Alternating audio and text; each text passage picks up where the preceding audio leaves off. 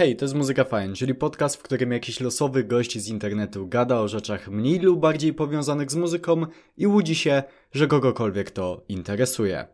Dzisiaj mamy rozmowę z Jonaszem Guberą i Jonasz Gubera to ten typ białasa, na którego koncert poszedłem nie mając kompletnie pojęcia kim jest. Stało się tak dlatego, że przed nim grał zespół Long Time No Talk, który bardzo lubię i chciałem zobaczyć, no a potem stwierdziłem, że co mi szkodzi i zostanę też na głównym koncercie. I moja pierwsza myśl po rozpoczęciu koncertu brzmiała mniej więcej ja pierdolę, ale ten gość ma energię. Tego mi właśnie brakowało na polskiej scenie, takiego chamskiego, energicznego pop-punku. I oczywiście pogadaliśmy sobie o jego muzie, ale pogadaliśmy też sobie o rozterkach osób, które coś tworzą, nie tylko muzykę, więc jeśli coś tworzysz, to myślę, że również znajdziesz tutaj coś dla siebie. A na końcu oczywiście pogadaliśmy o stu różnych pierdołach.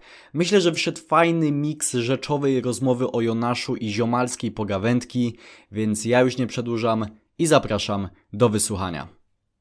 Jonaszu, bardzo miło mi Cię tutaj gościć. Cieszę się, że znalazłeś czas, żeby pogadać. Witaj na podcaście.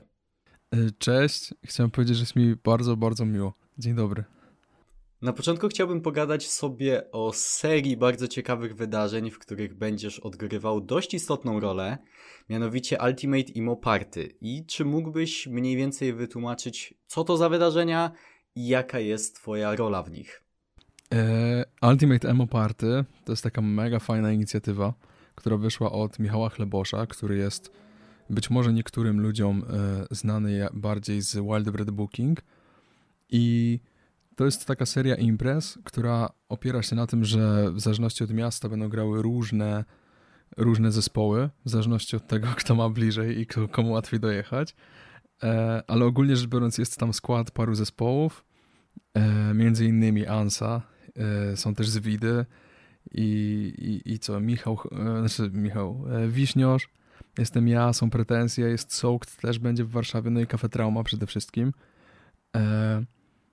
No i to jest taka seria imprez, bo to nie są koncerty, tylko to są e, imprezki, gdzie najpierw będą występy, a po nich e, wlatuje DJ set właśnie Michała, który jest organizatorem tego wszystkiego. I na tych, e, na tych DJ setach będą właśnie klasyki, klasyków. Jak ktoś rzuci hasło MTV, Emo Music z 2000, to to jest mniej więcej ten klimat. I to jest, na tym się będzie chyba opierała cała, cała zabawa, że no na warszawskiej edycji, która była w Hydrozagadce, to wyglądało tak, że ludzie normalnie, ja się czułem jak w teledysku Green Day Holiday, będąc całkowicie szczerym i nastawiam się, że tak będzie wyglądał każdy, każdy spot, który będziemy grali.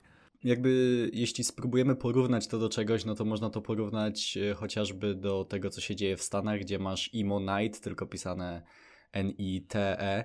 Tylko, że ja mam wrażenie, że te wydarzenia są już jednak troszkę na tyle skomercjalizowane, że one nie mają mimo wszystko takiego fajnego vibe'u jak y, te nasze wydarzenia tutaj. No bo to jednak to już się na przykład dzieje w klubach pokroju House of Blues i tak dalej. To są jednak już większe imprezy. Y, mhm. Tutaj jest dużo bardziej taki intymny, fajny klimat, y, bo ja akurat byłem też na tym inauguracyjnym w Hydrozagadce y, i szczerze, no to bawiłem się dużo lepiej niż się spodziewałem. Ja tak poszedłem, bo w sumie, no dlaczego nie, no, może akurat będzie fajnie, ale raczej zakładałem, że się, że tak przed północą to się prawie na pewno zawinę, po czym siedziałem do czwartej. Jeszcze pogoda wtedy dopisywała, bo było za tak, to już w ogóle. chmur wszystkich chyba. Mhm. Fajna, fajna tak. pogoda była.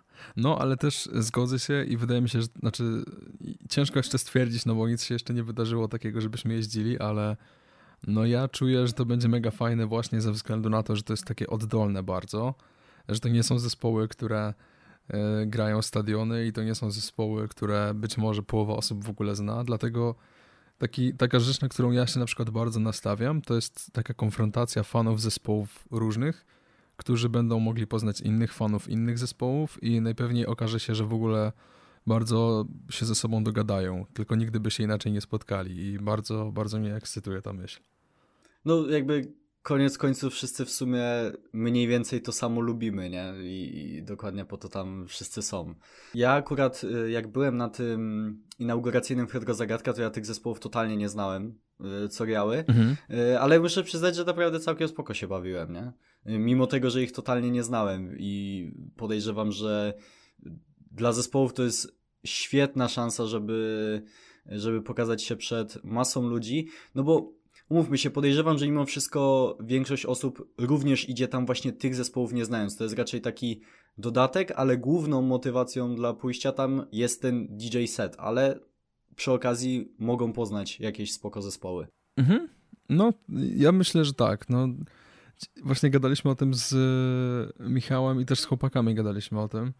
E, jak, jak to opisać? Jak, jak opisać komuś, co to jest? i kto jest potencjalnym targetem i wydaje mi się, że nie ma odpowiedzi łatwej na to. Nie ma, nie ma. Bo będą ludzie, którzy będą szli na koncerty, będą ludzie, którzy będą szli na imprezkę, będą ludzie, którzy pojawią się tam zupełnie przypadkiem, bo są pewnie z okolic, bo to są właśnie takie, to jest fajne moim zdaniem, bardzo fajny aspekt, to ja jestem ogólnie bardzo fanem, zwolennikiem robienia sztuki przystępnej, robienia koncertów jak najtaniej, tak żeby każdy mógł na nie wejść i to jest w miejscach, w których właśnie ludzie być może się zakręcą przypadkiem i być może wejdą też przypadkiem i to, to będzie fajne. Mhm. No właśnie y, też jeszcze wracając do y, tego, kto właściwie tam się pojawia, y, to tu akurat się moje przewidywania sprawdziły, że będzie od zoomerów po milenialsów i dokładnie tak było. Mhm. No, to prawda. W sumie takie, no po prostu takie dwie generacje y, emo słuchaczy, tak na dobrą sprawę. No, to prawda. A w której byś się czuł bardziej? No mi jednak bliżej do zoomerów jest. Yy, zarówno pod względem wiadomo kulturowym, jako że no jestem zoomerem po prostu, yy, jak i jeśli chodzi o kwestie muzyczne, jednak dużo bliżej mi. Na przykład jeśli chodzi o pop-punk, no to ja ten Tumblr pop-punk z dwa tam trzy na... Tumblr pop-punk? Tak, tak, ten z 2.13 mniej więcej The Story So Far, te klimaty. Okej, okay, to jest ciekawy take. Ja jestem dosłownie ta fala wcześniejsza. Okej, okay, okej. Okay. No to, tak właśnie podejrzewałem, co też yy, mniej więcej słychać w twojej muzie, ale do twojej muzyki jeszcze przejdziemy za chwilę. A właściwie to możemy przejść teraz, bo myślę, że yy, temat Imo Party już sobie w miarę wyczerpaliśmy. I miałem takie przemyślenia dość często, kiedy słuchałem twoich kawałków, że niezwykle dużo jest w niej takich pojedynczych, zapadających w pamięć linijek, które idealnie się nadają, nie wiem, na tatuaż albo na post na właśnie wspomnianym Tumblerze w 2013. I nie mówię tego jako coś złego oczywiście, bo właśnie mi się bardzo to podoba. I zastanawiałem się, czy to jest coś, na czym faktycznie ci zależy i czy szukasz tych one-linerów podczas pisania, czy może jednak to wychodzi jakoś samo z siebie? To jest, to jest ciekawe pytanie, bo nie wiem, czy szukam konkretnie one-linerów, w sensie, bo nigdy się nad tym nie zastanawiałem w ten sposób ale na pewno czegoś szukam, jak piszę i na pewno póki mnie nie uderzy, to nie skończę. To te, o tym też śpiewałem na Wielkim Rozczarowaniu, że nie odpocznę, póki nie skończę. I wydaje mi się, że może to są właśnie te one-linery wspomniane, że musi być takie... Że czasami jest tak, że mamy jakąś myśl i ona nas uderzy, ale to jeszcze nie jest to. Że to nie czujemy, że to jest to. I moment, i ja czasami znajduję notatki w telefonie sprzed lat i znajduję różne rzeczy, nie wiem, napisane na kartkach, na, zapisane w głosówkach, zapisane w, nie wiem, na tablicy magnetycznej czy coś i na przykład na mojej tablicy magnetycznej teraz jest za mną, widzisz inną, ale mam tą drugą, której używałem przez ostatnie dwa lata i tam było napisane pistolet na wodę wypełniony łzami. I, I to był jakby początek konceptu i dopiero później jakby teraz wszyscy wiemy, że to jest pistolet na wodę pełen moich łez, ale to właśnie jest tak, że czasami te różne rzeczy się pojawiają i dopiero one, one się muszą trochę oszlifować, jak, jak kamień w wodzie. I dopiero później się stają tymi być może właśnie one-linerami. Ale nigdy o tym w ten sposób nie myślałem, szczerze. Ciekawe. Swoją drogą, twoja muzyka brzmi jak coś, za czym teoretycznie mógłby stać cały zespół, choć wiadomo, że w dzisiejszych czasach właściwie w pojedynkę można robić każdy e, gatunek muzyczny. E, no i na pewno pracowanie samemu ma całą masę plusów, jak podejrzewam. Nie musisz zmieniać refrenu, bo basista twierdzi, że jest głupi. Nie musisz przepraszać za perkusistę, który odpali pijackiego live'a na Instagramie. No i też prawie cała kasa idzie tylko do ciebie, nie licząc oczywiście koncertów ale czy jest coś, w czym czasami chciałbyś mieć pomoc? Czy masz takie momenty, kiedy myślisz sobie, kurde, fajnie byłoby tutaj usłyszeć jakąś drugą opinię, zyskać inną perspektywę? Mm, wbrew pozorom moja muzyka jest, może nie chcę mówić pełna, bo to nie jest tak, że wszystko ze wszystkimi konsultuję, ale właśnie skład, który gra ze mną, ten taki główny skład, który gra ze mną Wielkie Rozczarowanie, czyli Filip, a.k.a. Validator, Albert Experience i Błażej, to są osoby, które zapytałem, czy chcą ze mną to grać, dlatego, że właśnie to, to były osoby, z którymi, którym po prostu pokazywałem, uchylałem jakiegoś tam rąbka tajemnicy, bo nie wiedziałem komu innemu mógłbym pokazać to, co akurat robię i oni wykazali jakieś zainteresowanie i też powiedzieli, że bardzo im się to podoba. Więc myślę, że właśnie chłopaki, z którymi gram na żywo, yy, są taką moją, nie, nie grupą badawczą, ale taką grupą wsparcia, bardziej bym powiedział, że, że czasami właśnie wysyłam im. No przykładowo na przykład mojemu bratu wysłałem słowa, kiedy je napisałem i zrobiłem i nagrałem sobie. I pamiętam, że rzucił mi taką myśl, że no fajne, ale można by zamienić miejscami solo z bridge'em. I miał rację, tak zrobiłem i tak było finalnie. I, I, właśnie różne takie luźne pomysły, czy czasami właśnie na przykład ja y, kumpluję się też z Filipem z BHP i czasem też w losowych momentach dnia napiszę do niego na Messengerze, że hej, mam taki pomysł, może byście w tej piosence, co jeszcze nie wyszło, zrobili coś takiego. Ja mówię, ty fajne, zobaczymy.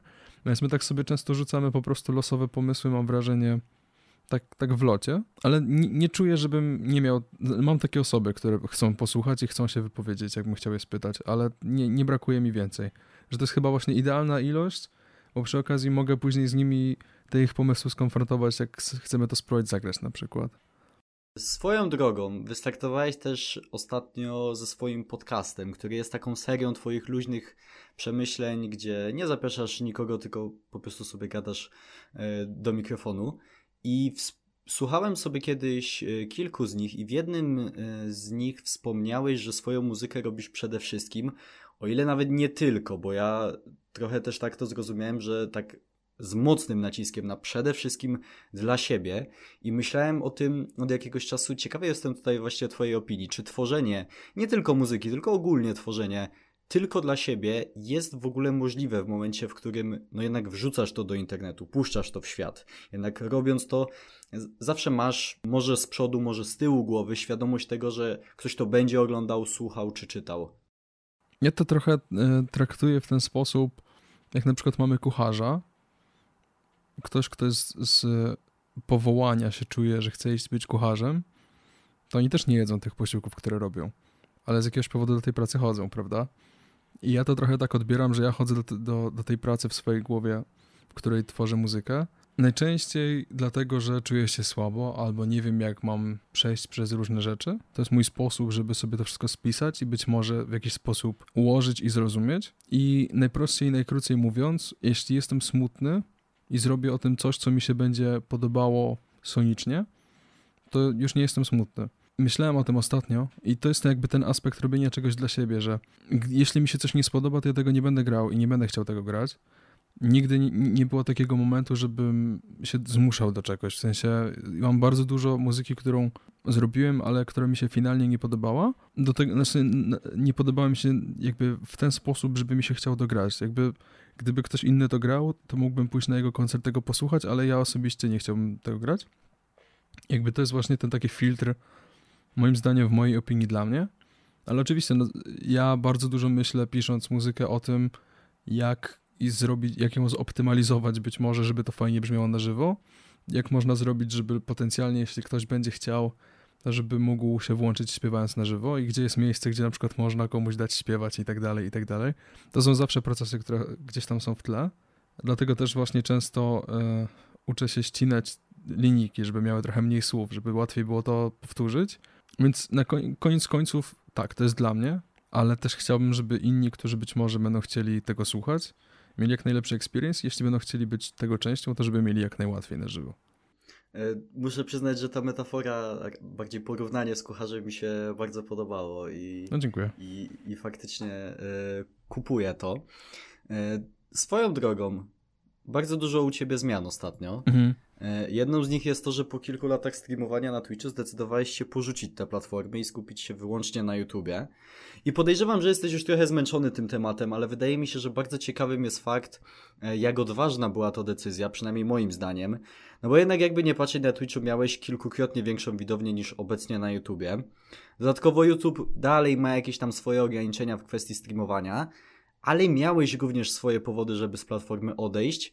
I wygląda na to, że nie żałujesz tego, co wydaje mi się jest takim fajnym drogowskazem dla osób, że no czasami y, fajnie jest robić po prostu to, co ci bardziej sprawia przyjemność, nawet jeśli przynajmniej w tym momencie, bo właśnie najlepsze jest jeszcze to, że to się może rozwinąć w przyszłości, ale nawet jeśli w tym momencie, no nie ma to aż takiego zasięgu jak to, co robiłeś wcześniej. Mhm. Tak, było u mnie bardzo dużo zmian ostatnio. Przeprowadzałem się zarówno internetowo, jak i e, fizycznie, więc dużo rzeczy przestało ze sobą grać tak, jak grało przez ostatnie lata. E, I tak, na Twitchu zdecydowanie miałem gdzieś tam większy zasięg. Jeśli nawet w środku nocy chciałem pograć w grę, to na pewno byłoby tam trzykrotnie więcej ludzi. Tylko też zmieniła się trochę moja perspektywa i trochę moje nastawienie. I tak jak mówisz, miałem swoje powody, o których trochę myślałem już jakiś czas. Jakby, żeby nie rzucać ogólnikami, no to po prostu w gigaskrócie pomyślałem sobie, że ile bym nie chciał e, siedzieć przy kąpie i grindować godzin, żeby jak najwięcej ludzi mnie poznało tam. E, at the end of the day na Twitchu w dużej mierze siedzą ludzie, którzy nie wychodzą z domu na koncerty i nie bardzo ich znaczy, interesuje. w ogóle nie wychodzą z domu, zacznijmy od tego, tak? Nie chcę ich obrażać, ale no tak, zostało powiedziane pewne zdanie. tak. Nie, ale jakby jest, poznaję tam ma masę Oczywiście, super ludzi. Ja sam tam akurat no. streamuję, więc wiem o co. No tak, no właśnie jakby to, to jest super miejsce pewnie dla, dla innych ludzi, w sensie z innymi celami niż ja i, i naprawdę życzę wszystkim dobrze. Po prostu to nie jest miejsce dla mnie, bo no, wydaje mi się, że ciężko być muzykiem i pracować na etat i chcieć się rozwijać jako muzyk, bo praca, jakby bycie streamerem na Twitchu, jeśli ktoś to traktuje poważnie, to jest kolejny etat. I to jest taka prawda. Ja siedziałem co najmniej trzy razy w tygodniu w określonych godzinach, bo na Twitchu tak to działa, że albo jesteś o tej godzinie, albo ktoś myśli, że już nie żyjesz. I dlatego też YouTube jest po prostu trochę sensowniejszy w takim, e, w takim rozliczeniu czasowym, bo mogę zrobić ten jeden stream w niedzielę na przykład i to, że będzie tam mniej osób nie ma żadnego znaczenia, bo to będzie wisieć na zawsze i będzie można to przewijać. Jeśli ktoś będzie chciał zobaczyć, co robiliśmy, to będzie mógł tam wejść i trochę to jest to, czym chcę być. Nie chcę zabawiać ludzi na żywo. Znaczy, lubię, trochę chcę po prostu używać live streamów jako sposobu dla ludzi i dla mnie, żeby mieć jakiś tam kontakt, ale już nie bardzo mi się chce y, jakby wchodzić w kolejną rolę i przypisywać sobie kolejny etat, jakim byłoby na przykład właśnie zabawianie ludzi na żywo, bo czuję taką presję, jak, znaczy czułem taką presję, jak byłem na Twitchu, że faktycznie trzeba puszczać muzykę na SR-ze, czyli na Song Requestie, trzeba dawać ludziom jakieś rzeczy do roboty, trzeba ich cały czas angażować, bo ważne jest tylko co, to, co tu i teraz i trzeba się bardzo starać, żeby stało się coś fajnego, bo inaczej jest to dosłownie zmarnowany czas pod kątem takim biznesowym, no bo możemy się dobrze bawić, ale jeśli na koniec dnia nie zrobiłeś czegoś, co zostawi po tobie ślad i ludzie nie będą o tym gadać, to tak naprawdę nic się nie stało przez te 4 godziny. Jak wyłączysz stream, to nie ma potem żadnego śladu, na YouTube, jeśli zrobisz coś fajnego, możesz to po prostu zostawić jako film i ludzie to sobie będą mogli już zawsze oglądać w kółko. No i jakby też myślę po prostu, że YouTube jest w tej górnej warstwie góry lodowej, jaką jest internet i ludzie muzyki szukają na YouTubie, a nie na Twitchu, więc jeśli ktoś wpisałby moje imię i nazwisko, to być może natknie się też na inne rzeczy i jeśli będzie chciał pogadać i, i zapytać mnie jakieś rzeczy, to będzie mógł mnie tam złapać po prostu. No, ale tak, resety są trudne, ale ja jestem dobrej myśli. Bardzo dobrze w takim razie. Mnie osobiście bardzo irytuje na Twitchu fakt, że na przykład jak ja streamuję sobie czasami, z tym, że no to wiesz, to, to jest tak totalnie hobbystycznie, mhm. raczej nie wiążę z tym na razie jakiejś większej przyszłości, jednak wolę się skupiać raczej na filmach. Te wody, zapisy streamów znikają chyba po dwóch tygodniach mhm. i to jest maksymalnie, co jesteś w stanie ustawić. Tak. Y, nie jesteś w stanie zachować tego streama, żeby był do oglądania i mnie to niesamowicie irytuje, bo jak ktoś nie streamował na przykład przez dwa tygodnie, to jego kanał wygląda jakby on dosłownie nigdy w życiu nie odpalił streama. Jego kanał jest dosłownie pusty. Tam nic nie ma. Mhm, to jest dokładnie ten powód. Jakby, jakby też jak sobie pomyślimy o tym, yy, jeśli chcielibyśmy wziąć urlop, albo źle byśmy się czuli, albo chcielibyśmy po prostu spędzić czas z przyjaciółmi, rodziną, albo na przykład jedziemy grać traskę, tak jak teraz jadę na tydzień, no to gdybym, gdybym uwarunkował ludzi, że szukają mnie na Twitchu, to dla nich byłoby jakby mnie tam wcale nie było. To tak jakbym ich zaprosił do pustostanu. A jeśli zaproszę ich do domu internetowego, jakim jest YouTube, to nie będzie mnie, ale będzie taka kartka, hej, tu masz ciastkę, herbatę, możesz sobie usiąść i się napić i obejrzeć moją telewizję. I to jest właśnie ta różnica i i jakby ja czuję, jakbym gadał o tym za dużo, więc jeśli mam przestać, to mnie zatrzymaj po prostu, bo ja, nie ja problemu. mogę 10 lat o mnie, tym gadać po prostu. Mnie to bardzo interesuje też akurat, Okej, więc no właśnie dlatego uważam, że YouTube jest o wiele fajniejszym miejscem, jeśli ktoś chce podjąć trochę więcej kroków. To jest trudniejsza platforma, trzeba się bardziej postarać, bo nie można tam nadużywać praw autorskich. I wydaje mi się też, że po prostu to, że wody zostają bez żadnej ingerencji naszej dodatkowej na zawsze, w pewnym sensie przynajmniej mnie motywuje do tego, żeby robić ambitniejsze rzeczy. Albo mówić rzeczy, które dla mnie mają znaczenie, żeby można było ich posłuchać później. E, No teraz jestem jeszcze na takim etapie, że po prostu odpalam streamy typu niedziela wieczór vibecheck, co oznacza, że po prostu jak najwięcej osób może pograć w Among Us, albo może e, nie wiem, pograć w memy albo cokolwiek. Chodzi o zaangażowanie wszystkich, którzy chcieliby się zaangażować, to żeby mogli sobie pójść do internetowego miejsca, jakim jest moja świetlica i mogli sobie tam spędzić czas. Ale e, w planach mam i już dogaduję różne właśnie rzeczy typu content, który ma mieć jakieś e, znaczenie i, i w- taką, taki charakter uniwersalny, że to po prostu tak jakbyśmy nagrywali film, ale robimy to na żywo. Tak, żeby to było coś fajnego. I, no i wydaje mi się, że to jest po prostu fajne, jak się robi takie rzeczy i to może zostawać. I przy okazji właśnie zamiast nagrywać film samemu, to można go nagrywać w towarzystwie ludzi, którzy chcą być w niego jakoś tam zaangażowani na żywo, nie? I to jest, to jest fajne. Jakby wydaje mi się, że jeśli ktoś jest trochę bardziej. Mm, jeśli ktoś chce trochę więcej niż samo granie w gry i być może nie, bezustanne zderzanie się z taką ścianą, że jednak bezpieczna bańka na Twitchu to jest tylko w twojej bańce, a za ścianą czekają na ciebie rasiści, homofobii i patologia, to no niestety, no, niestety tam tak jest i tam bardzo łatwo można się przebić. Nie no, community Twitcha to jest dla mnie czasami jakaś totalna abstrakcja. yy, I dla mnie to też było tyle czasami szokujące, że z tym, że ja akurat powiedzmy osobiście na moich streamach jakichś wielkich kwiatków nie miałem, bo generalnie nie ma tam na razie Mhm. zbyt dużego ruchu, ale mimo, że ja streamuję na Twitchu, dlatego że no powiedzmy, że łatwo jest dostać y, bana na streamie nie z twojej winy, bo na przykład ktoś ci przyjdzie i wyśle ci jakiegoś donate'a wiadomo jakiego i tak dalej, więc ja trochę tak z obawy przed utratą tego mojego dziecka, czyli kanału na YouTubie, streamuję na Twitchu, ale totalnie nie jestem użytkownikiem Twitcha. Ja w ogóle nie siedzę, ja, ja generalnie za dużo streamów nie oglądam, ale jak już, to bardziej je oglądałem, pamiętam, na YouTubie, y, czy kiedyś jeszcze jak y, Jarok robił y, na szlachetną paczkę świąteczne streamy, to to było na hitboxie jeszcze, ale użytkownikiem Twitcha totalnie nie jestem i nigdy nie byłem. Rozumiem to i totalnie się utożsamiam z tym. Właśnie to też był jeden z powodów w moim wielkim rozliczeniu, co powinienem ze sobą zrobić, że ja zanim zacząłem streamować na Twitchu, byłem na Twitchu może trzy razy i za każdym razem tylko dlatego, że taki artysta, którego bardzo lubię, Aries, e, akurat tam streamował i to był jedyny powód, dlaczego miałem aplikację Twitch na telefonie i zacząłem streamować tam, no bo po prostu takie słyszałem hasła, że tam się... No, taki miałem No, przykład. na, tu- no, jak streamować to na Twitchu, no nie? tak, po no prostu, właśnie, że ten muzyk, którego lubię, streamował na Twitchu, to też tak zrobię i tak zrobiłem. Na, na początku próbowałem sobie wmawiać, że to, że jestem jedyną osobą w muzycznej kategorii w Polsce, to jest dobrze, bo to jest tak, że jak ktoś wejdzie, to od razu jesteś na głównej, ale to nie jest prawda. No, najpierw ktoś tam musi wejść, a skoro jesteś jedynym, to... To nikt tego nie ogląda. No. Jest ku temu powód, że jesteś jedynym. No właśnie, no. Więc ja- jakby przez, ja byłem tam dwa lata i pierwszy rok faktycznie gdzieś tam nie bardzo wiedziałem, co się dzieje, po prostu siedziałem sobie, robiłem swoje rzeczy, tak jak teraz.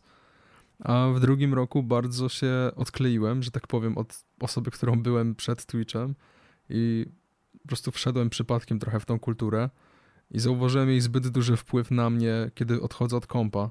No i to też był powód, jakby zrozumiałem, że przeznaczyłem za dużo energii i zbyt dużo swojej osobowości zostawiłem na koszt tego, no bo jakby jeśli chcesz osiągać na Twitchu, musisz stać się jedną, jednym z klonów. To jest dosłownie w ten sposób, jakby wszyscy robią to samo, tylko wyglądają trochę inaczej i jedyny sposób na sukces to jest kopiowanie innych i pewnego rodzaju rywalizacja. Tam publiczność jest ta sama, tylko po prostu na niektórych czatach pisze, na innych nie.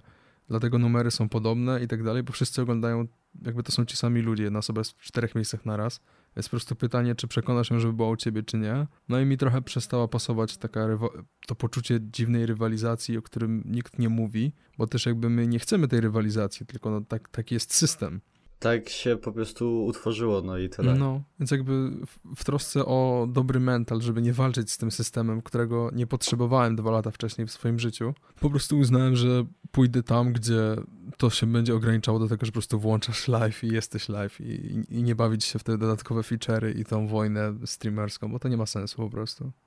Kończąc ten temat, yy, powiem to, co moim zdaniem jest najbardziej kluczowe w kwestii tej zmiany platformy. To jest takie zdanie, które sam powiedziałeś, że nie chcesz być kojarzony jako streamer, który robi muzykę, tylko jako muzyk, który czasami sobie streamuje. I faktycznie wydaje mi się, że kiedy robisz to na YouTubie, to łatwiej jest odnieść takie wrażenie, że ty przede wszystkim jesteś muzykiem.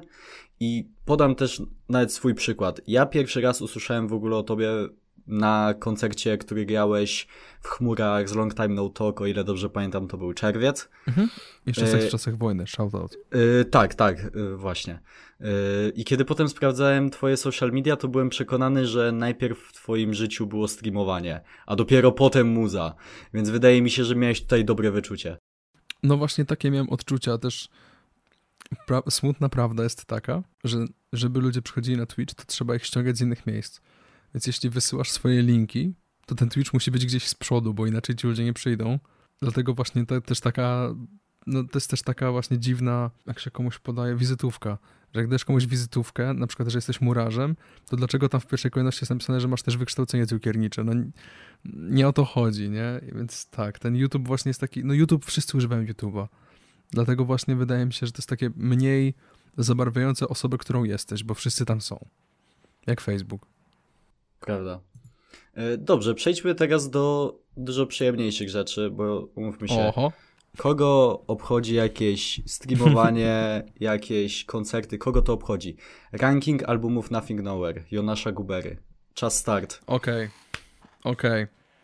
Teraz rzucę niepopularny take. Nie pamiętam tytułów albumów. Yy, to możesz kolejnością albo po Mogę okładkach, jak, jak kojarzysz. Okej, okay. okay, to ja po powiem coś kontrowersyjnego i, i wiem, że niektórym ludziom się to może nie spodobać. Płyta z Travisem Barkerem to jest jedna z najlepszych rzeczy, które zrobił Nothing Nowhere w swojej karierze i co Travis Barker zrobił w swojej karierze. To jest niepopularna opinia, ale będę się za nią y, wstawiał rękami i nogami. Myślę, że akurat znam co najmniej dwóch słuchaczy tego podcastu, którzy tą opinię podzielą. Tak? Więc, tak. Okej. Okay. Ostatnio też właśnie a propos Travisa Barkera właśnie miałem dziwny, dziwna wojna się pojawiła, bo zawsze jednak e, Travis, znaczy album Travisa z Nothing Nowhere był dla mnie najlepszą rzeczą, którą zrobił Barker, a ostatnio kiedy Hupla mi się wdarł i teraz mam trochę problem, bo nie jestem w stanie stwierdzić, która mi się bardziej podoba, ale wydaje mi się, że Kenny Hupla to była jednak dla mnie chwilowa fascynacja, a Nothing Nowhere to jest no właśnie, ta wartość uniwersalna i do, powraca do powracania do tego. Na pewno zastanawiam się, gdzie umiejscowić mm, najnowszy album, którego nawet słuchaliśmy, pamiętam, że na Twitchu zrobiliśmy listening party. I jest mi też smutno, bo nie będę na Nothing Nowhere za dwa tygodnie. Ja też nie będę, niestety. Niestety. Nawet dzisiaj myślałem, czy nie kupić tych biletów, ale... Ale już nie ma. Tak, już w ogóle nie ma? No, już nie ma. Ha, no. Już nie ma, poszły. I na, y, ja byłem trochę smutny o tyle, że byłem na wydarzeniu na Facebooku, tam dałem zainteresowany, mhm. ale w ogóle nie było żadnego ogłoszenia w stylu spieszcie się, bo zostało mało biletów. W, okay. w ogóle nie, nie było żadnego tego typu ogłoszenia, więc po prostu pewnego dnia wstałem i się okazało, że nie ma. No ale. Szkoda. Ja pamiętam, że patrzyłem jakiś czas temu, to właśnie jeszcze były i byłem taki. Może bym jednak dupnął. To znaczy na pewno nie ma na płytę. Możliwe, że jakieś okay, że trybuny, jakieś trybuny ale wydaje mi się, że całkiem jest sold out. Wydaje mi się, mm -hmm. że mhm. jest całkiem sold out. No może być, no to jest jednak Fallout Boy tam, więc to, to jest main event. Dla, Zwłaszcza, dla mnie... że y, czy Fallout Boy w ogóle kiedyś w Polsce grał? Właśnie nie wiem, no, bo, możliwe, że nie. Więc myślę, że to też dodatkowo mogło zrobić robotę. Może tak być, no. Dobra, to powiem ci tak. Nie wiem, czy iść od końca, czy od początku, więc może pójdę od początku bo nie jestem w stanie powiedzieć za bardzo, co byłoby w tej dolnej części piramidy. Na pewno jak kontrowersyjne to by nie było, jeśli liczymy one takes, to one takes będzie na samej górze. One takes jest top tier po prostu. No to, to w takim razie one takes jest poza konkurencją. To wiemy, że to jest po prostu no, to jest światło nad tą piramidą. Ale powiedziałbym w takim razie i nie wiem, czy ludzie się zgodzą z tym, bo wiem, że ludzie bardzo lubią stare Nothing Nowhere Ja właśnie osobiście dlatego nie znam tych nazw albumów, bo ja słuchałem tych wszystkich płyt w kółko w grudniu zeszłego roku. Pamiętam, jak miałem ciężki moment, to nic innego nie leciało, ale dla mnie Trauma Factory to jest świetny album. Ja uwielbiam Trauma, Trauma Factory. Factory. to był pierwszy album e, na Finauer, jaki posłuchałem i pamiętam, że były takie 2-3 miesiące, że ja dosłownie niczego innego nie słuchałem. To jest taki album, co bardzo łatwo można zgubić czas, ale później też można zgubić dobre uczucia, mam wrażenie. Tak, tak. No, że on, on bardzo, tak moim zdaniem, tak, przybija jednak, tak. ale jest bardzo dobry i jeśli miałbym powiedzieć dlaczego, to powiedziałbym, że w Real, ten moment, gdzie on faktycznie zaczyna You Want It Real. Tak, tak, tak, tak. To jest bardzo ciężki moment. No Fake Friends to jest świetny singiel. Nie wiem jak to nazwać. Nazwałbym to takim mega dziwnie delikatnym, ale jednocześnie całkiem w twoją twarz. E, Lights ma taki bardzo... W ogóle bity na tym albumie są takie bardzo... No właśnie, takie delikatne, ale jednak cały czas cię biją po twarzy i to jest niesamowite. Bardzo ciekawy dysonans, bardzo fajny album. E, na drugim miejscu w takim razie dałbym właśnie album z Travisem Barkerem. Na trzecim miejscu pewnie dałbym Reaper, później dałbym chyba Void Eternal i dopiero później byłaby ta cała lawina właśnie e, i Boomera, znaczy Bummera i Nothing Nowhere LP. Bo ja, no, no, ciężko powiedzieć, że on robi coś, że zrobił coś, co można ocenić niżej lub wyżej, po prostu każda jest inna po prostu. Po prostu każda jest inna po prostu. Ładne zdanie. Ale no, myślę, że w każdej tej erze jest coś wartego docenienia i mnie się osobiście bardzo podoba po prostu stylistyka Trauma Factory i fakt, że jest tam piosenka Pretend, która jest dosłownie jeden do jeden kopią Sleepwalking Bring Me The Horizon i nikt nie zauważył. Yy, jest, jest. Ja czytałem komentarze i nikt o tym nie pisze, aczkolwiek to nie jest nic złego. To jest... Absolutnie to nie jest nic złego, to jakby halo, no, kubek sempiternal. No więc jakby fajne i nie wiem, co ty sądzisz na przykład o Void mm, Eternal? Przyznam szczerze, że w całości go nie słuchałem. E, bo okay. ja generalnie mam trochę przesyt. E, zacznijmy od tego, że mam w ogóle przesyt muzyki e, od mniej więcej roku, -hmm. półtora, ale przede wszystkim miałem przesyt już bardzo mocny cięższej muzyki. Bo jednak w momencie, w którym poznałem Blink Me The Horizon w 2018, no to umówmy się, to już była droga, z której powrotu nie było i przez ten czas zdążyłem przesłuchać już wszystkie możliwe podgatunki metalu i, ta, i, i nie tylko. E, więc do całości się w końcu jeszcze nie zebrałem, ale single były całkiem spoko. Mi się bardzo podobał ten kawałek z Willem Ramosem. Tragedy. Okej, okay, bo ja właśnie nie pamiętam, kto jest gdzie na ficie, bo, bo to jest najmniej istotne było dla mnie, ale Tragedy było fajne. E, mi się tam bardzo podoba, bo ono ma taki trochę under oath e, klimat. Terify mają taki fajny no. vibe, co mi się podoba, więc Y, ja powiem ci, że słyszałem zespół BHP w połowie tego albumu, jak tego słuchałem i to było dla mnie dosyć czymś jak w symulacji. Ale Nothing Nowhere odratował słowo Venom. Trzeba mu podziękować za to. Myślę, że wszyscy powinniśmy mu podziękować no, za to zdecydowanie. Mega dobry numer to jest. I, i ja, ja się nie spodziewałem połączenia nu metalu z drillem i to było coś, na co nie byłem gotowy, ale bardzo przy, z otwartymi ramionami to przywitałem. Pamiętam, że ogląda... właśnie my słuchaliśmy całego, całego tego albumu na żywo bo mam, no właśnie, mój brat i jeszcze mój kumpel bardzo czekaliśmy na ten album i okazało się, że ludzie chcieli go słuchać z nami i tylko się zastanawialiśmy, kiedy wejdzie breakdown, bo w każdej piosence miał być breakdown, więc właśnie było takie odliczanie, ile czasu do, do następnego breakdownu mniej więcej, tak, tak ten album leciał. No, ale fajny był, tylko no właśnie trochę, w sumie z tego co kojarzę, z jego socjali, to było coś powiedziane, że on coś pisał, że będzie teraz trochę bardziej stary styl, Chyba. Tak, ostatnio coś napisał. Mhm. Coś chyba takiego było. Też to, też to widziałem. Cokolwiek to w sumie znaczy, no bo on, no, on już no. trochę tego katalogu ma, więc. No ja myślę, że to, to może oznaczać tyle, że znowu będzie 15 raz Flows Hammer wykorzystane. Tak jak w każdej piosence losowej się pojawia. Te, też bym na to stawiał, jak już miałbym na coś stawiać. Ale tak, y, ja ogólnie bym też na szczycie umieścił Trauma Factory. Być może trochę tutaj wchodzi czynnik nostalgii mhm. przez to, że to był pierwszy album, jaki słyszałem i tak dalej. No ale y, no umówmy się, no tam jest dosłownie Crave i Nightmare i to już są... No właśnie chciałem spytać, jakie są takie nuty. Pomyślałem o Nightmare'ze i, i go wymieniłeś, mm. więc no... więc to w ogóle nie, nie było czego zbierać, jak ja to pierwszy raz przesłuchałem, nie? No, bo tam naprawdę niesamowity vibe miałem, w sensie taki niespodziewany zupełnie Nightmare to jest przecież dance track bardziej tak, niż, tak. niż cokolwiek. A, ale jak się wsłuchasz e, w tekst, to e, znaczy Tak. dalej tańczysz, ale jednocześnie płaczesz, tak? Tak, tak, tak, to jest właśnie, cały, cały ten album jest takie dziwny. I no, a tam w ogóle kojarzy mi się, ja tego nie sprawdziłem, ale to brat mi o tym mówił, że tam chyba ten Y2K, co Baby No Money produkował, to on chyba w ogóle nagrywał bębny do tego albumu, w sensie u niego nagrywali chyba. Możliwe, to tego coś nie takiego, wiem. że tam u niego w shopie coś robili w związku z tym albumem i coś takiego było, więc to jest w ogóle mały świat i mega dziwne to jest. A chciałem spytać o Bring Me The Horizon, e, co sądzisz o ich nowej ścieżce? Mi się bardzo podoba, ale ja jestem, Tak? ja jestem biased, bo no, to, to Okej. jest dosłownie mój ulubiony zespół od... Jesteś Bring Me The Horizon Pilled po Yy, prostu. Tak, tak. No to oni by mogli, nie wiem, wypuścić cover Sanach i bym tego słuchał.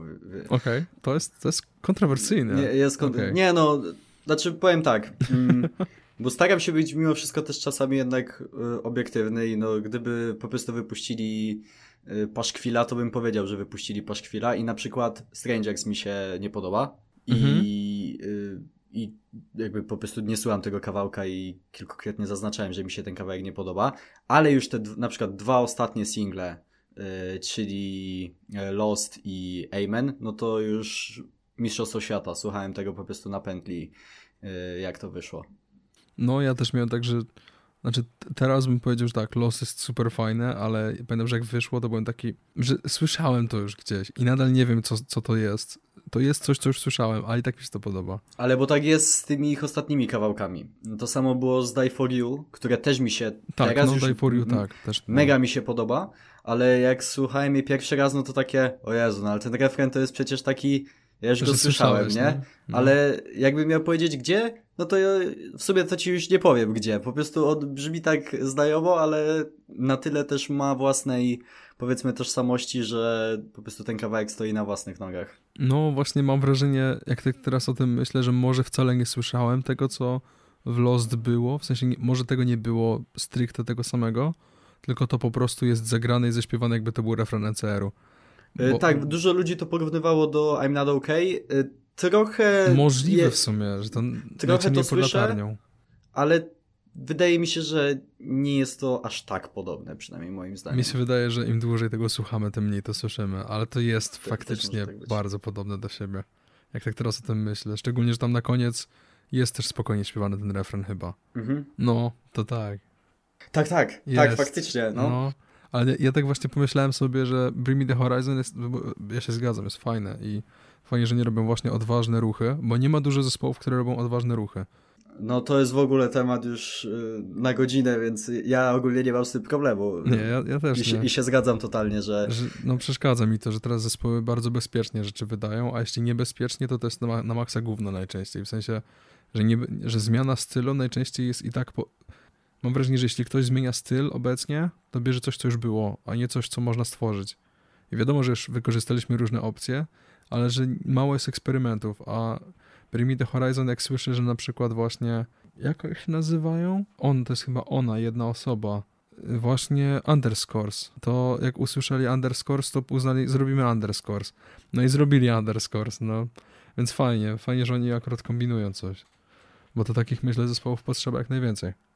No zdecydowanie. W ogóle ja też dlatego ich tak uwielbiam, że oni dosłownie całą swoją karierę pokazywali środkowy palec. No, to prawda.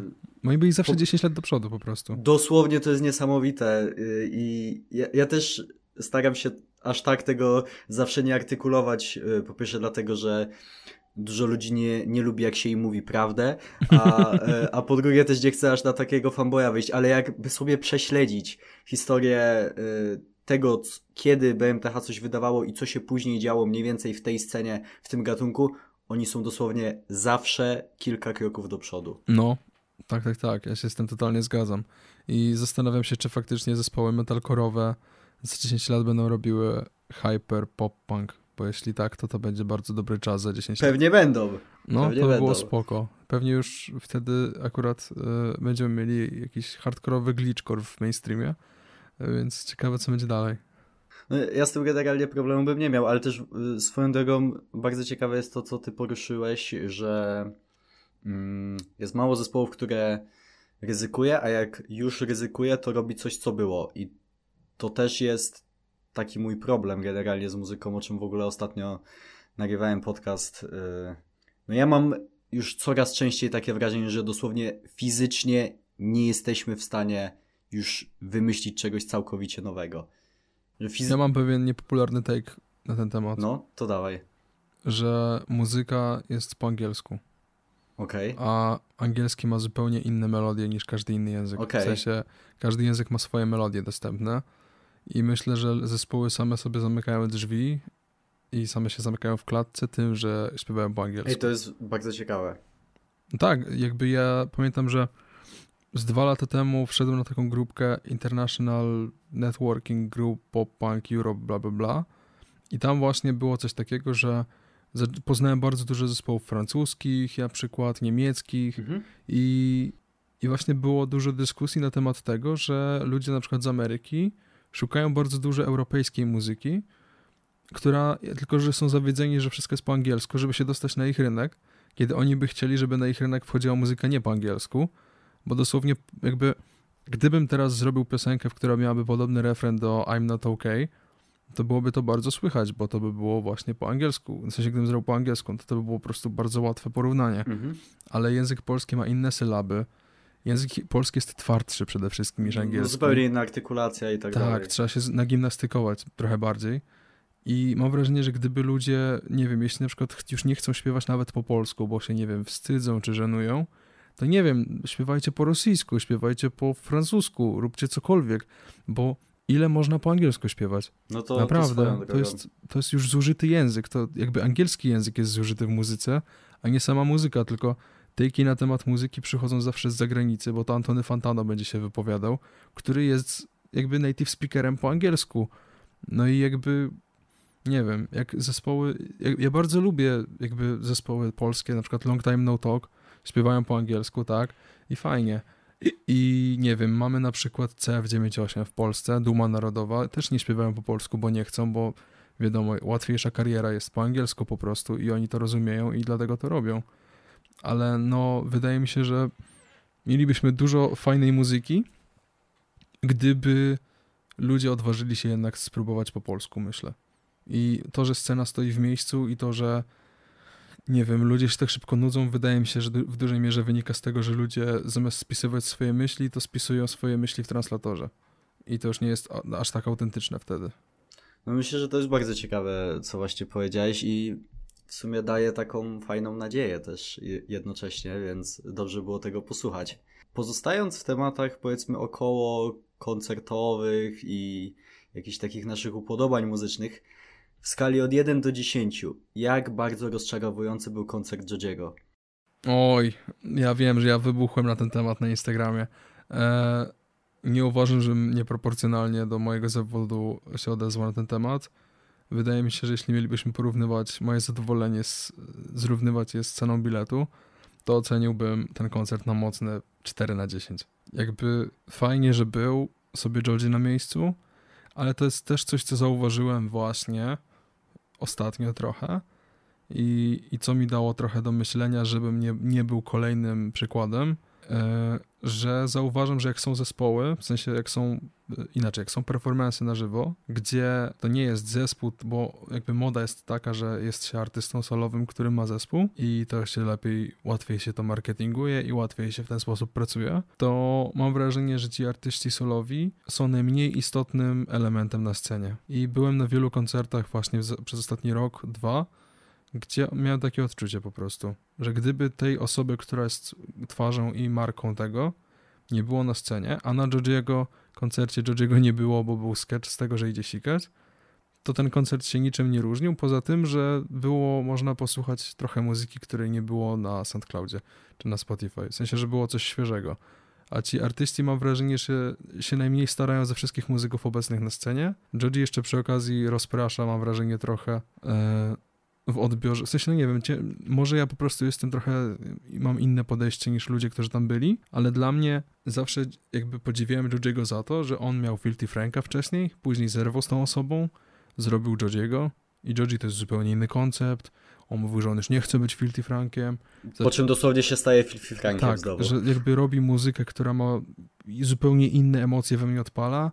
Ja mu płacę dużo pieniędzy, żeby ją usłyszeć i to jakby też moja frustracja wynika z tego, że te bilety miały być o wiele tańsze niż były finalnie bo miała być pula pierwsza za jakieś, nie wiem, załóżmy 160 zyla. Byłem trzeci w kolejce, one już były wyprzedane, no jakby jakim cudem. Więc jakby no, jeśli ktoś bierze dużo pieniędzy za koncert, to ja bym chciał, żeby się chociaż trochę postarał i może nie psuł odbioru. Jak już nie chce mu się śpiewać, to niech chociaż nie psuje odbioru. I no koncert Gigiego mnie trochę właśnie rozczarował z tego powodu, że chyba miałem zbyt dużo oczekiwania. Bo ja nie ja specjalnie nie sprawdzałem, bo ja też lubię nie sprawdzać e, koncertów w internecie, bo lubię mieć jakby ten odbiór, chcę dostać tą narrację na żywo i poczuć to, co artysta daje mi, a niekoniecznie wchodzić już y, z nastawieniem, bo widziałem w internecie, a często jest tak, że set to jest dosłownie to samo, jeden do jeden. Oczywiście, oczywiście. I był tam mój kumpel, który ogląda każdy koncert z kolei i powiedział mi, że to dokładnie jest to, co było na każdym koncercie, więc może gdybym po prostu obejrzał ten koncert, to się tak nie zawiódł, może to jest moja wina, po prostu. Y, ja ogólnie mam z kolei tak, że się nie mogę powstrzymać i jak mam y, jakąś fazę na jakiegoś muzyka, no to oglądam wszystkie jego live'y z ostatnich 20 lat. Y, czy z ilu on tam. Nie, to, to, to, to tak, tak samo, działa. tylko mówię, że jak już idę na jakiś taki koncert, na przykład Gigiego, to jak już im bliżej koncertu, tym mniej chcę go słuchać nawet. W okay, sensie, żeby, okay. żeby już mieć taką przerwę od tego. Mhm. No, ale wracając właśnie, y, więc na jakieś nagrania z koncertów Jodziego też się natknąłem i zazwyczaj ta moja ciekawość mi powiedzmy pewnie trochę psuje nawet odbiór koncertów, bo na przykład jak byłem na koncercie BMTH, do którego znowu wracamy, no to ja znałem praktycznie wszystkie te ich sztuczki. Wiedziałem, że na końcu Dear Diary grają drugi raz breakdown, ale wolniej i ciężej. Wiedziałem, że jakie mają y, wizualne efekty. wszystkie te sztuczki znałem. Wiadomo, że się i tak bawiłem zajebiście, ale wiadomo o co chodzi ale tu akurat mnie to trochę powiedzmy uratowało, a raczej uratowało mój portfel, bo jak widziałem te nagrania, to po prostu wiedziałem, że to nie jest koncert dla mnie. I ja Jodziego uwielbiam, Nektar i Ballad to jest dosłownie soundtrack mojego liceum, jak mi to moja znajoma y, w pierwszej liceum pokazała Ballad, swoją drogą serdecznie ją pozdrawiam, bo prawdopodobnie tego słucha, no to mi po prostu czacha wybuchła. Więc uwielbiam muzykę Jodziego, ale jak widziałem te nagrania, to wiedziałem, że to nie jest koncert dla mnie, no bo ile można żartować z tego, że y, Joji y, zszedł ze sceny się wyszczać i nie wiadomo kiedy wróci. I on to robi na każdym jebanym koncercie. A tam jeszcze jest timer na ekranie. Tak, to, to swoją drogą. jakby okej, okay, rozumiem, że zdecydowana jednak większość osób idzie na koncert nie oglądając nigdy jakichkolwiek fragmentów z koncertów, więc dla nich to jest coś śmiesznego, coś nowego i tak dalej. No ale no, ja bym już wtedy w ogóle nie miał żadnej żadnej jakiejś takiej wartości dodanej e, z tego koncertu dla mnie, bo po pierwsze, znam te sztuczki i po drugie, muzyki też za bardzo nie posłucham, bo on dosłownie ma te koncerty w stylu takim hip-hopowo-amerykańskim, że mikrofon to sobie przyłoży może raz na 20 sekund y, do ust. Tak. No właśnie to też jest coś, co mi teraz przypomniałeś, bo mm, ja, jeśli chodzi jeszcze, żeby domknąć temat oglądania tych występów, to ja nie oglądałem jego występów przez ostatni rok na pewno, czy dwa. I właśnie to może też sprawiło, że byłem aż tak zawiedziony, że ja ostatnie co oglądałem to było jakieś na przykład Slow Dancing in the Dark, gdzie to był jakiś jeden z występów, gdzie on akurat poleciał bardzo ambitnie i to był bardzo fajny występ i to był bardzo taki angażujący występ, plus oglądałem ekstrawaganzę. No jak ktoś mi pokazuje ekstrawaganzę, a później na żywo daje mi dziesięciokrotnie mniejszy effort, i właśnie to też było tak, że jakby muzycy załapią, co teraz powiem, ale wokaliści czasem śpiewają, że tak powiem, bezpieczną drogą. To znaczy, jak, nie są, jak wiedzą, że nie są w stanie wyciągnąć melodii albo nie są pewni, to zamiast się skompromitować, to będą robili dolne harmonie, będą się odsuwali od mikrofonu, będą robili różne rzeczy, żeby nie wyszło, bo wokaliści to są najbardziej niepewni siebie muzycy na scenie, bo jak perkusista spierdoli, to zrobi 15 innych uderzeń w tym czasie, jak wokalista... I kogo to obchodzi. No i nikogo to nie obchodzi dosłownie. Gitarzysta nikt nie usłyszy, basista wszyscy się tego spodziewają, tak? Więc jakby no wokaliści najbardziej się boją i Georgie wszystko, i to tak wszystko, wszystko robił na bezpiecznie na tym koncercie. Nie było takiego miejsca, gdzie widziałbym, że on się dociska w jakikolwiek sposób. Nie widziałem nawet napiętego gardła przez moment. I na, I na koniec było Glimpse of Us. Jakby ja nie, nie byłem akurat już aż tak przywiązany właśnie do Glimpse of Us czy do Nektaru. E, ja bardziej lubiłem te single, które, bo to na Nektarze były yy, Sanctuary, czy to było na płycie wcześniej? Na nektarze. Na nektarze. To właśnie ja pamiętam, że. Z tym, że to tak wyszło w ogóle jakieś dwa lata przed tym. No nektarem. właśnie o tym no, mówię, że ja byłem w tej erze singli do nektaru, a już sam nektar to tam przesłuchałem sobie później dopiero. I jakby spoko. Ja po prostu lubiłem starszą muzykę, jego lubiłem mm, single z nektara i spoko. Tylko jak usłyszałem Glimpse of Us, to mówię, nie no, fajne, fajne. Jak ktoś to zaśpiewał porządnie, to jest super utwór. I faktycznie było tak, że ten występ był taki angażujący, akustyczny. Tylko jak w refrenie wchodzi backing track pięciu głosów, który zagłusza jego wokal, a wszyscy przychodzą słuchać tej piosenki dla refrenu, nie oszukujmy się, to to traci cały urok. I, i to dosłownie właśnie było takie, mm, za, jakby Georgie w każdym momencie, w którym dało się zabić jakiś klimat, albo odbić od odbioru tego, co on przedstawia, koncert Georgiego to było nieustanne, powtarzające się oglądanie gry o tron, gdzie natykasz się na siódmy i ósmy sezon. I to, to każda piosenka to było mniej więcej to. To było to uczucie, subverting expectations i strasznie mi się to nie podobało. Może po prostu wszedłem z za dużymi jakby oczekiwaniami, to jest na mnie. Że tak powiem, można, można powiedzieć, haha, uwaga, żart, przeżyłem wielkie rozczarowanie. No way! Czy to jest wielkie no rozczarowanie referencja? Powiedział linię, powiedział linię. He said the line. Y, streamujcie wielkie rozczarowanie swoją drogą. Linki oczywiście Stream w opisie. Po, podaj nazwę swojego Twitcha. Mojego w sensie? No, no, no. Y, eidetyczna zupa. Stream WR, subskrybujcie Eidetyczna zupa. Let's Pozdro. go. Let's go, mamy to. E, swoją drogą jeszcze tak tylko zanim e, się pożegnamy i, e, i ty będziesz mógł się właściwie pożegnać, do czego jeszcze za chwilę przejdziemy, to sprawdziłem Fallout Boy grał w 2014 raz. A, grali? Czy to był ich pierwszy koncert? Pierwszy i jedyny w Polsce. We Wrocławiu okay. na stadionie w 2014 grali. To był Safe Rock and Roll Tour. Huh. Ale nie był, oni chyba nie, nie planowali w ramach Hela Mega Tour być, nie? Nie, bo Hela Mega to w ogóle była chyba tylko w Stanach, z tego co pamiętam. Chyba tak, że nawet nie zdążyli tej Europy zrobić. Nie, bo, bo... to, no wiadomo co się wydarzyło, tak, no. oni tą Hela Mega ze trzy razy przekładali, czy coś takiego. Ja jestem w ogóle w szoku, że im się udało to przełożyć. Tyle razy, bo to są tak trzy gigantyczne zespoły, y, dla osób, które nie są zaznajomione, Hela Mega Tour to był Green Day, Fallout Boy i Weezer i przede wszystkim największe dostępne areny w ogóle w Stanach. Mhm. A przecież wszyscy przekładali swoje koncerty przez COVID i fakt, że im się udało to ogarnąć jest naprawdę imponujący. To mi przypomniało o tym, że ten koncert, na którym byłem w Proximie Nothing Nowhere w zeszłym roku, to też był przekładany chyba trzecia data to była. Coś w tym stylu, no.